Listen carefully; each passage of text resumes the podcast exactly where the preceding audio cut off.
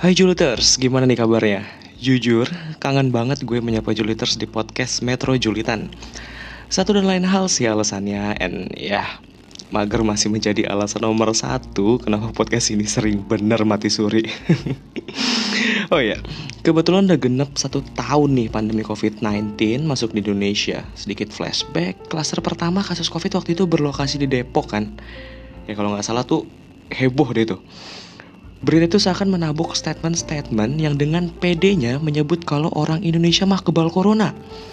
Ah, kita makanan jatuh aja masih dihajar. Virus mana mempan. Sama bakteri aja kita bersahabat. Dan banyak lagi guyonan-guyonan lain yang gak kalah mantep. Yang terlontar mulai dari congor pejabat sampai lidah-lidah julid masyarakat. Emang ya, lucunya negeri ini. Bahas tentang pandemik apalagi udah setahun berjalan nih. Nggak cuma satu, tapi banyak aspek-aspek di hidup kita yang perlahan berubah dan terpaksa harus dibiasain sehari-hari. Coba gue tanya, lu, semua Juliters, pernah nggak sih lu ngerasa kayak telanjang atau nggak tenang misal lo keluar rumah atau kosan dan lupa pakai masker? Atau kalau mau masuk ke rumah orang, masuk ke mall, tempat nongkrong, atau kantor, tapi nggak cuci tangan atau semprot-semprot hand sanitizer. Itu tuh rasanya gak enakan aja gitu. Kacau ya. Semuanya macem jadi kebiasaan baru dan ya hal-hal yang mungkin dulu nggak kepikiran untuk dikoleksi atau dibeli sekarang udah jadi bagian pokok yang kudu banget dipenuhi. Masker tren inilah, masker motif itulah, gantungan masker ala hits anak ibu kota lah, dan banyak lagi perintilan protokol kesehatan yang lainnya. Tapi, meski banyak godaan dari barang-barang barusan, tetap patuhi protokol kesehatan semaksimal mungkin. Sumpah, terdiagnosa positif corona itu kagak enak. Udah mah kesehatan kita aja terganggu, belum lagi stigma-stigma orang yang masih kolot nganggep positif corona udah kayak aib. Trust me, I've been there before. Oke okay, Juliters, selain item-item yang emang jadi harus dipenuhi selama pandemi, beberapa hal di sektor lain pun jadi kena imbasnya. Mungkin Juliters ada yang udah ngalamin nih ya. Apa-apa yang sekarang jadi serba online. Nongkrong online, sekolah online, kuliah online, wisuda online, work from home system. Ya, kalau kerjaan online mah bukan hal yang baru ya, Bun. Cuma sekarang jadinya kita mau nggak mau juga harus menghadapi sistem kerja nggak harus di kantor. Enak? Belum tentu. Temen gue sendiri banyak kok yang ngeluh, ah mending kerja masuk ke kantor dah kalau kayak gini mah. Paham lah ya, situasi di rumah itu suka ada aja halangannya. Kayaknya nggak harus gue jabarin pun Juliter sudah paham sendiri lah ya. Oke, kayaknya udah kepanjangan nih bahasa busuknya ya. Sesuai dengan judulnya di podcast kali ini gue mau sedikit bahas dan sharing aja nih masalah persiapan apa sih yang harus direncanakan dan disiapkan matang-matang sebelum ente-ente memasuki dunia kerja. Wabil khusus buat teman-teman fresh graduate atau juliters yang mungkin saat ini masih menyandang mahasiswa tingkat akhir. By the way, tingkat akhir juga kalau nggak diakhiri ya... Ah, udahlah. Wisdama yang ngap.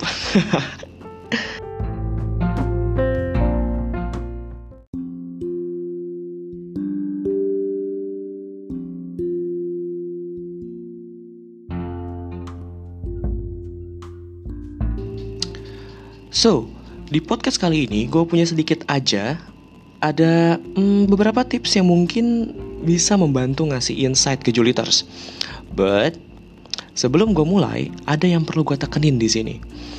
Tips di podcast ini notabene berasal dari pengalaman pribadi gue dan hal-hal yang sering ditanyain sama teman-teman gue di masa-masa mencari kerja. Langsung aja ya, yang pertama, rangkai CV sebaik dan seoptimal mungkin ya standar banget sih emang. Tapi mau gimana? Coba kalau lu nggak punya CV, terus mau ngelamar kerja pakai apaan? Profil Facebook. Eh, di sini gue sebut sebaik dan seoptimal mungkin. Why? Karena sekarang nih gampang banget, banget, banget buat kita bikin CV. Karena template-template CV yang kece dan tinggal edit tuh udah bertebaran di mana-mana. Contoh lah, Canva. Di situ banyak bener desain-desain CV dan resume yang bisa Juliters pakai. Gue rasa nggak butuh skill desain yang gimana expert lah. Wong tinggal ubah-ubah doang sesuai sama profile, biodata, dan pengalaman lo. Nah, karena kemudahan dan kegampangan ini, jadinya kebanyakan pencakar pemula itu lengah dan ada aja nih hal penting dan esensial yang nggak tercangkup di CV-nya. CV yang baik itu emang gimana sih? Gini, singkatnya, CV yang baik itu ya CV yang benar-benar memuat data diri dan pengalaman lo yang komplit. So, recruiter yang lihat CV lo secara tidak langsung bisa memperkirakan kecocokan antara diri lo dengan pekerjaan yang lo lamar. Kecocokan tuh maksudnya gimana? Ya, hal-hal yang jadi kualifikasi dasar di infoloker yang lo lihat. Bisa dari jurusan kuliah, IPK, usia, keahlian, atau skill terkait posisi-posisi yang dilamar, gitu. Selain baik, ada kata optimal nih. CV yang optimal yang gue maksud itu ya CV lo benar-benar tepat guna dan menunjukkan diri lo sesuai dengan kualifikasi yang perusahaan cari. Misal, CV itu terdiri dari 1 sampai 2 halaman aja. Jadi, usahakan saat lo ngebuat CV, jangan sampai lebih dari itu. Malahan saran gue cukup diringkas jadi satu halaman aja sih. Terkait desain CV sendiri, sebenarnya nggak ada aturan yang baku-baku amat masalah hal ini menurut gue. Kenapa? Karena setiap perusahaan sendiri punya standar rekrutmen dan rekruter yang berbeda-beda juga kan. Cuma, usahain deh saat lo ngebuat CV, penggunaan warna, ukuran dan jenis font itu nggak usah terlalu banyak dan keramaian. Pakai 2-3 kombinasi aja dan pastiin juga CV lo gampang dibaca. Dan info-info yang ada di dalamnya itu informatif. Kayaknya gue hmm, bakal jabarin di lain waktu deh masalah CV ini karena agak panjang juga sih. Makanya jangan lupa follow atau subscribe podcast ini. Wih lah, uh, promo alert. Supaya nanti nggak ketinggalan bahasa lainnya juga ya bun. Oke gini gini. Pernah denger kan istilah kalau rekruter paling cuma butuh 1-3 menit untuk melirik CV kita? Apakah ini sebuah mitos atau menakut-nakuti saja? Bisa iya, bisa enggak. Well, yang ngelamar itu bukan lo doang bun. Banyak dan setiap rekruter yang namanya kerja pasti juga punya deadline. Kerjaan dia juga pasti bukan cuma nyaring kandidat di posisi-posisi yang lu lamar aja. Intinya, buatlah CV lo menarik dan optimal sesuai dengan pekerjaan yang lu lamar. Dan ini nih, kadang gue suka dapetin case macam gini. Please make sure data diri macam kontak yang bisa dihubungin dan alamat itu selalu update. Supaya saat rekruter cocok nih sama lo dilihat dari CV-nya dan mau menghubungin lo itu nggak salah sambung. Atau nomor yang ada di CV lo itu udah nggak aktif. Fatal sih ini. Cuma karena nomor yang nggak update kesempatan lo buat maju ke proses selanjutnya jadi kehambat. Ngeri kan? Cuman perihal lo nggak update nomor nah gue ada sedikit tips nih Hal ini biasa gue lakuin saat gue ngebuat atau update CV gue sendiri. Yaitu, hmm, coba lu kirim CV lo ke teman-teman terdekat yang lu percaya dan asik buat ajak sharing. Syukur-syukur lu punya teman atau kenalan mungkin yang emang profesinya atau kerjaannya sebagai rekruter. Suatu keberkahan banget sih itu. Gue sendiri ngelakuin ini karena gue mau tahu pendapat dari temen gue. Mungkin ada hal yang menurut gue udah pas, tapi ternyata menurut temen gue kurang enak. Atau typo. Ya, kalau gue sendiri karena attention to detail gue agak anjlok nih. Jadi kadang ngebantu banget sih ini. Nah, masih terkait tentang CV, yaitu emailing. Ngirim email. Misal lo ngelamar pekerjaan via email. Pastiin deh kalau subjek email dan cover letter lo udah sesuai dengan kualifikasi yang diiklankan. Kenapa? Karena yang ngirim email itu bukan cuma lo doang, Bun. Dan isi email si rekruter juga bukan lamaran satu posisi yang lu lamar. Atau bahkan bukan cuma email lamar lu doang. Eh, sayang-sayang kan, CV yang udah lu buat sedemikian rupa malah jadinya nggak kebaca sama rekruter. Cuma karena hal sepele kayak gitu. Terkait cover letter, daripada lu ngetik ulang atau kopas dari email atau dokumen lain, lu bisa pakai fungsi template yang ada di Gmail Gimana caranya? Bisalah lo googling. Kalau emang mau step by step panduannya, gue juga udah pernah sih upload di Instagram story gue di @mmf underscore riddle r i d e l. Lo bisa cek di highlight profil gue ya. Follow sekalian juga boleh sih. Oke, okay, tentang CV yang kedua, ini gunain gadget lo semaksimal dan seberguna mungkin. Ini nih, ini nih. Jujur, gue sendiri suka aneh kadang. Wong ya kok HP bagus, laptop mulus, jaringan lancar, wifi ada. Bisa-bisanya semua itu nggak digunain buat mengoptimalkan usaha dalam mencari kerja. Sorry to say, sekarang udah nggak zaman lu keluar rumah keliling gedung demi gedung bawa amplop coklat buat naruh CV dan lamaran. Sungguh amat jadul sekali kawan. Eh? Hari gini udah seaprek job portal semacam Jobstreet, Indeed, Ekrut, dan masih banyak lagi yang bisa lo akses untuk mencari info loker yang relevan dan sesuai dengan minat karir lo. Jangankan job portal, akun-akun sosmed macam Instagram dan Facebook yang share info loker sekarang juga banyak. Bahkan ada grup-grup dengan segmen info loker khusus di Telegram yang bertebaran.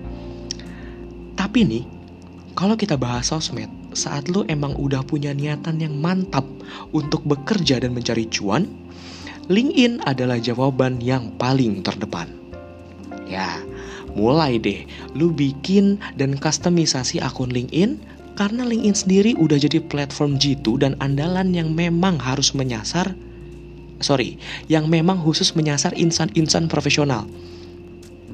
Sedikit tips dari gue terkait LinkedIn. Pasang foto profil profesional yang emang mencerminkan personality lo. Gak harus pas foto background merah atau biru, kaku amat bosku. Terus masukin deh alma mater pendidikan dan juga pengalaman-pengalaman lo selama di sekolah atau di kampus. Pengalaman magang atau keikutsertaan project yang emang pernah lo ikutin. Nggak cuma dicantumin jenis kegiatan dan nama organisasi serta posisi lo aja. Jabarin juga tugas dan tanggung jawab lo di perkumpulan atau event itu. Kenapa? supaya headhunter atau rekruter yang mampir nih ke profil LinkedIn lo bisa memperkirakan kesesuaian pengalaman lo dengan posisi yang lagi mereka cari.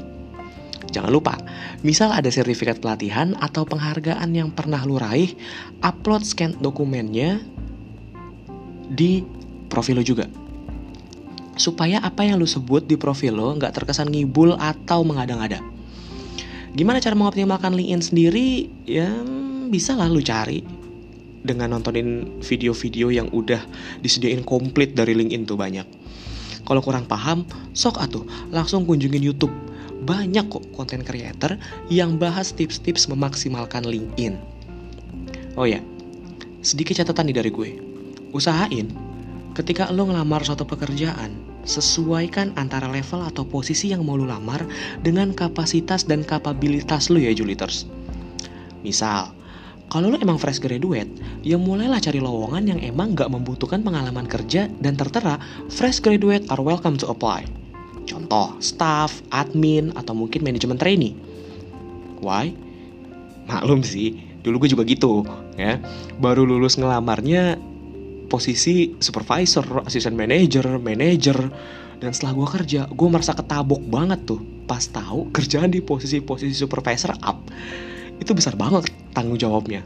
Besar banget. Dan butuh banget pengalaman kerja yang relate dengan bidang dan posisi tersebut ya. Nanti misal lu udah ada pengalaman kerja satu atau sekian tahun baru deh misal mau naik level posisi atau lengkap sekalian itu nggak masalah karena itu tergantung dengan seberapa banyak pengalaman dan keahlian yang lu punya selama lu kerja di perusahaan sebelumnya Hal ini wajar sih, ya namanya belum pernah kerja, pasti kan nggak begitu tahu beban dan tanggung jawab kerja suatu posisi. Ini sih gue cuma saran aja, ya boleh diikutin, gak juga nggak apa-apa. Masih seputar memaksimalkan gadget nih Juliters. Lu pernah gak sih pas lagi nongkrong atau ngobrol-ngobrol santai lah sama temen Ngebahas tentang sesuatu tapi terhalang dengan adanya info yang kurang lu paham dan teman-teman lu tahu Misal, eh iPhone 12 mini tuh ukurannya sama kayak iPhone 10 atau lebih kecil sih? Coba deh, ujung-ujungnya pasti akan berakhir dengan statement Googling aja sih? Ya gak sih? Sering banget gue berdiskusi dan mentok harus googling karena mencari kepastian informasi. Kenapa gue bahas ini? Gini cuy, zaman sekarang tahu atau enggaknya lo cuma dibatasin oleh satu hal, Yes, kemauan untuk cari tahu. Teknologi dan informasi itu udah gila-gilaan banget sekarang. Gak kayak dulu, di mana saat lu mau tahu ibu kota suatu negara, lu kudu buka RPUL atau negesin globe buat tahu. Sekarang tinggal ketik keyword di Google atau YouTube dan lo bisa cari tahu semuanya. Mulai dari pengembangan soft skill, sampai belajar hal-hal teknis. Entah itu desain, fotografi, fotografi, sorry, masak ya mungkin ya. Cara main karambol mungkin. bisa lo cari semuanya di situ. Ini yang gue maksud, pakai gadget lo seberguna mungkin. Bolehlah aktif sosmed dan main game buat hiburan tapi apa nggak sayang kalau kuota yang lo beli di saat lo sekarang lagi di posisi mencari gawean abis kepake cuma buat senang-senang doang? Ah, coba dipikirin.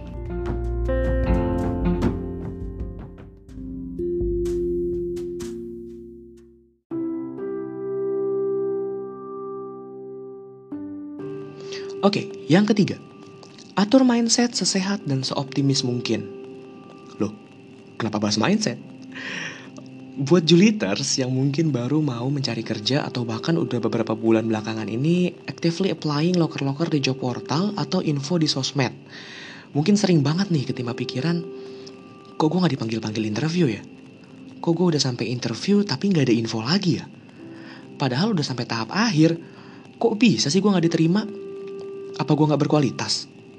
Apa gue gak memenuhi standar banget? apa gue seenggak layak itu buat diterima kerja? Hmm. Emosi dan pikiran negatif saat menerima rejection itu adalah hal yang wajar kok. Tapi terlalu sering memikirkan hal yang pesimistis begitu bakal berujung dengan rendahnya self esteem lo yung. Apalagi tuh self esteem.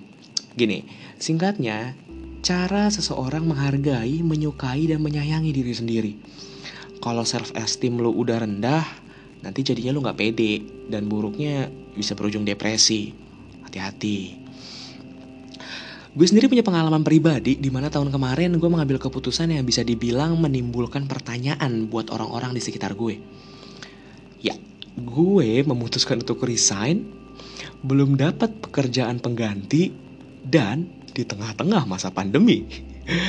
ya, yeah, I know, hari gini nyari kerja susah, susah banget. Kok ya bisa-bisanya gue malah resign. Padahal status karyawan gue udah bisa dibilang aman lah. Satu dan lain hal pasti ada pertimbangan dan gue memutuskan ini nggak karena proses berpikir sehari dua hari. Gue menimbang-nimbang selama kurang lebih 2-3 bulan lah. Tapi di sini gue bukan mau merasa sok tenang, anti insecure dengan kondisi dan keadaan, santai-santai nggak ada beban pikiran. Big no. Ingat cuy, gelisah, khawatir, takut, cemas, semua itu manusiawi semua itu wajar. Jadi, ini gue ada beberapa tips nih yang gue punya buat ente-ente sekalian. Pertama, diterima kerja itu cocok-cocokan. Ya, proses rekrutmen mulai dari CV screening, interview-interview, dan bahkan psikotes, itu semua merupakan proses untuk melihat seberapa cocok lu dengan perusahaan tersebut yang lu lamar. Jadi, misal lu diterima dan mulai bekerja di sana itu karena perusahaan cocok dengan profil, keahlian lo, atau mungkin nego gaji lo untuk yang udah berpengalaman ya. Begitupun sebaliknya, saat lo nggak diterima, itu bukan berarti lo nggak bagus, nggak berkualitas, atau bahkan nggak layak. Bisa jadi, jika lo diterima di sana, lo bakal tertekan dan merasa nggak sesuai dengan pekerjaan yang nantinya bakal lo emban. Cuy, kerja itu sekarang bukan cuma sekedar nyari cuan doang. Iya gue tahu cuan itu penting Tapi kesehatan mental lu juga jauh lebih penting. Sedikit gue kasih bocoran nih buat teman-teman yang fresh graduate. Setiap kantor itu punya budaya perusahaan masing-masing Dan di luar dari budaya perusahaan yang ada Lingkungan sosial sebuah perusahaan pasti berbeda-beda. Karena karakter kolektif dari orang-orang yang bekerja di sana. So, mulailah berpikir saat lo belum berjodoh dengan perusahaan yang udah proses lo oh oke okay, mungkin gue dan PTX belum ada kecocokan. Gitu. Yang kedua belajar dan berkembang itu harus gue udah lupa sih berapa kali gue interview dan gak semua interview yang gue ikutin itu berjalan mulus berisi obrolan asik dan lancar jaya aman setosa, nggak semua. Beberapa kali gue pernah stuck karena diminta menjelaskan tentang suatu hal yang berhubungan dengan posisi pekerjaan yang gue lamar dan gue nggak paham sama sekali tentang itu. Dan apa yang gue lakukan setelahnya? Ya, gue ingat-ingat pertanyaan atau topik yang gue buta banget saat interview dan mulai cari tahu tentang hal itu. Keinginan buat terus berkembang dan belajar itu nggak boleh sama sekali luntur, cuy. Apalagi misal minat pekerjaan lo itu yang nggak teknis-teknis amat lah. Bisa lalu googling dan cari tahu sendiri di waktu senggang yang membludak ini. Karena bukan mustahil apa yang ditanya atau apa yang dibahas di satu interview akan terulang kembali di interview yang lain. Jadi, nggak usah jadi keledai yang jatuh di lubang yang sama lah. Be totally prepared is a must. Yang ketiga, usaha nggak bakal berkhianat. Klise mungkin ya, tapi gue selalu percaya semua itu ada prosesnya. Sesuatu yang gampang didapat pasti gampang juga ditinggal. Atau sesuatu yang gampang banget lo dapetin, pasti ada aja nanti masalahnya. Ingat cuy, kerja itu nggak sehari dua hari doang. Ya bisa aja sih sebenarnya, tapi sumpah itu nggak bakal ada baiknya ke diri lu sendiri. Bayangkan, semakin susah dan rumit bahkan lama proses yang lu hadepin, percaya deh, hasil yang bakal lu raih nanti pun nggak bakal kalah. Wah, nggak bakal kalah wah gitu dari apa yang udah lu kerahin nggak bakal bohong Maksimalin usaha lo dalam mencari kerja dengan bikin akun di job portal atau website karir perusahaan yang lo minatin sebanyak-banyaknya. Semakin awal semakin bagus. Katakan gini, lo gunain waktu lo 1-2 hari untuk sign up di beberapa job portal besar. Lu gunain waktu itu buat ngisi biodata, pengalaman, dan hal-hal lain di semua akun platform job portal tadi. Atau mungkin bisa juga di web karir perusahaan-perusahaan yang lu minatin. Nanti, ke sananya lu cuman tinggal ya dengan bebasnya akses info locker lagi tanpa harus keganggu dengan ngisi-ngisi form biodata atau profil lu lagi. Selain usaha yang maksimal, ya. Gunain juga segala strategi yang seefisien mungkin bisa lu pakai buat mempermudah proses lu mencari kerja. Mendingan capek di awal daripada lu harus berulang kali mengerjakan hal yang sama.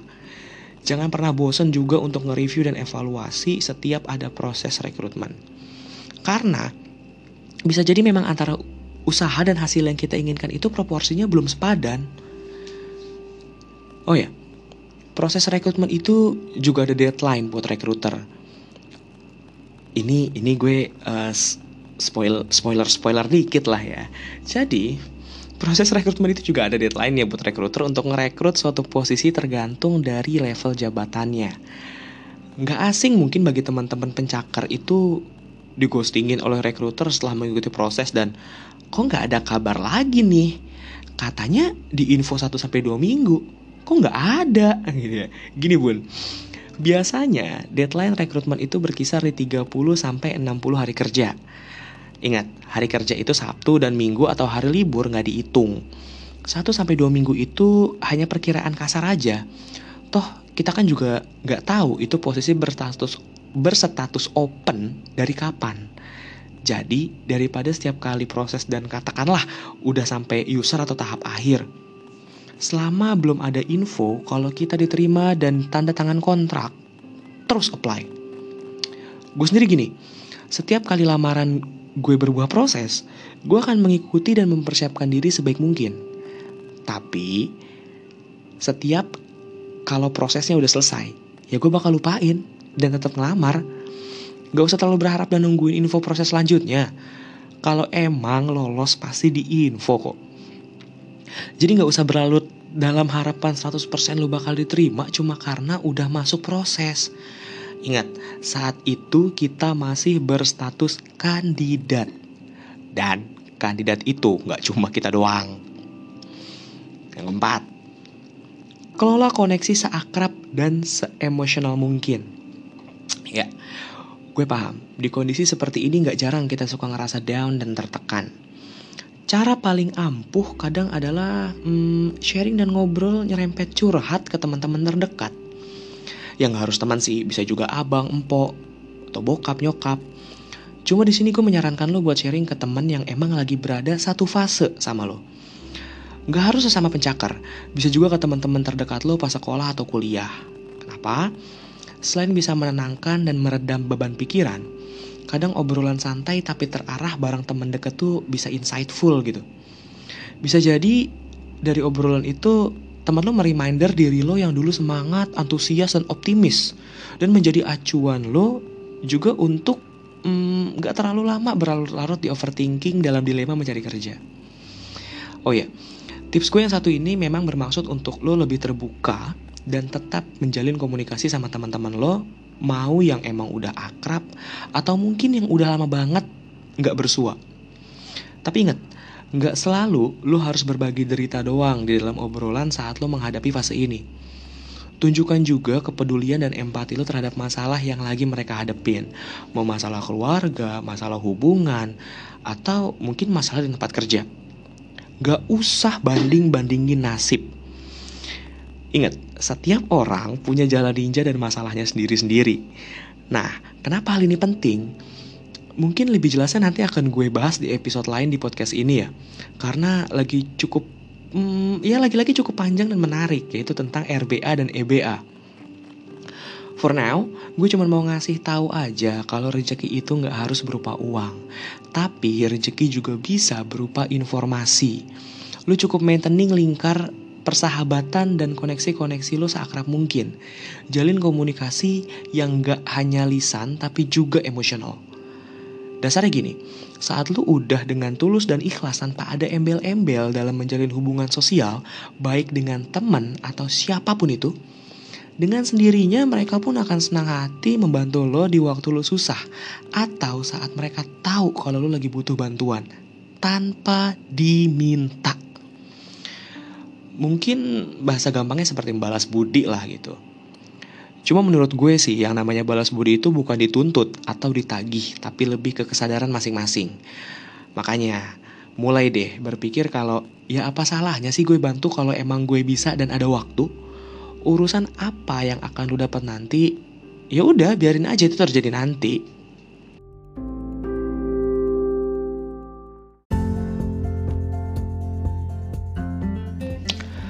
Nah, kira-kira hmm, begitulah tips dan sharing dari gue buat juliters-juliters yang saat ini lagi bergelut dengan lika-liku mencari pekerjaan. Semoga apa yang udah gue sampein tadi bisa bermanfaat dan seenggaknya memberikan lo insight lah. Kalau emang lu suka dengan podcast gue, bolehlah di follow channel podcast ini atau bisa juga mutualan sama gue di Instagram di @mmf underscore riddle r i d e l supaya always be notified setiap kali episode baru rilis. Sip, dari gue gitu aja. Terima kasih banget lu udah sudi mampir dan dengerin podcast gue sampai habis. Jangan lupa untuk selalu menaati protokol kesehatan COVID-19. Sehat selalu. Bye bye.